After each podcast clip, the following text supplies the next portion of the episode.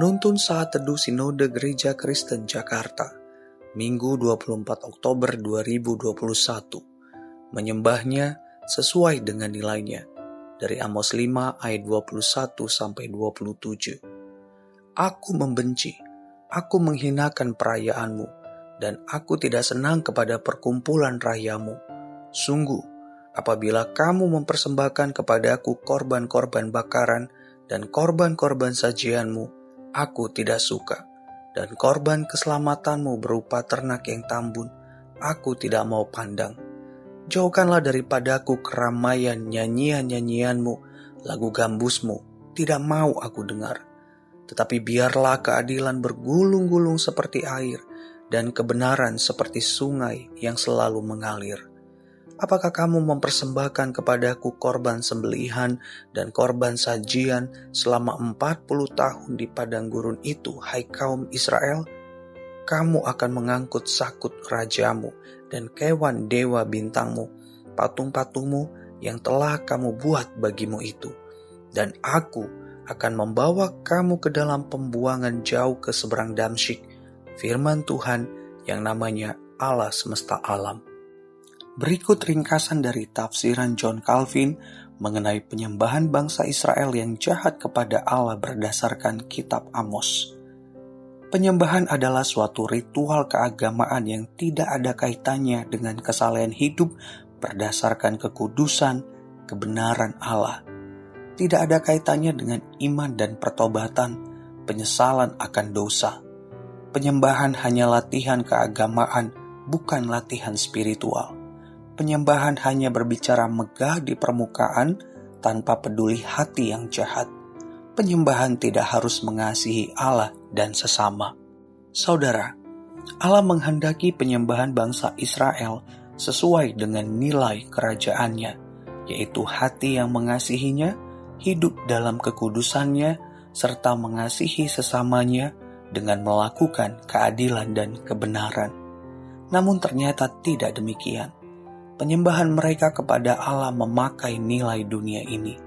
Di satu sisi mereka tetap menyembah Allah hanya di permukaan dengan mempersembahkan kurban-kurban bakaran, sajian, keselamatan, nyanyian-nyanyian, permainan musik di setiap perayaan-perayaan keagamaan mereka. Tujuan mereka melakukan ini adalah untuk mempertahankan status mereka sebagai umat Allah juga untuk tetap mendapat berkat-berkat Allah. Namun, di sisi lain mereka juga menyembah ilah-ilah palsu seperti Sakut dan Kewan. Sakut adalah gambaran dewa perang bangsa Asyur. Kewan adalah gambaran dewa bintang bangsa Babel. Tujuan mereka menyembah ilah-ilah ini adalah untuk tetap bebas melakukan dosa-dosanya.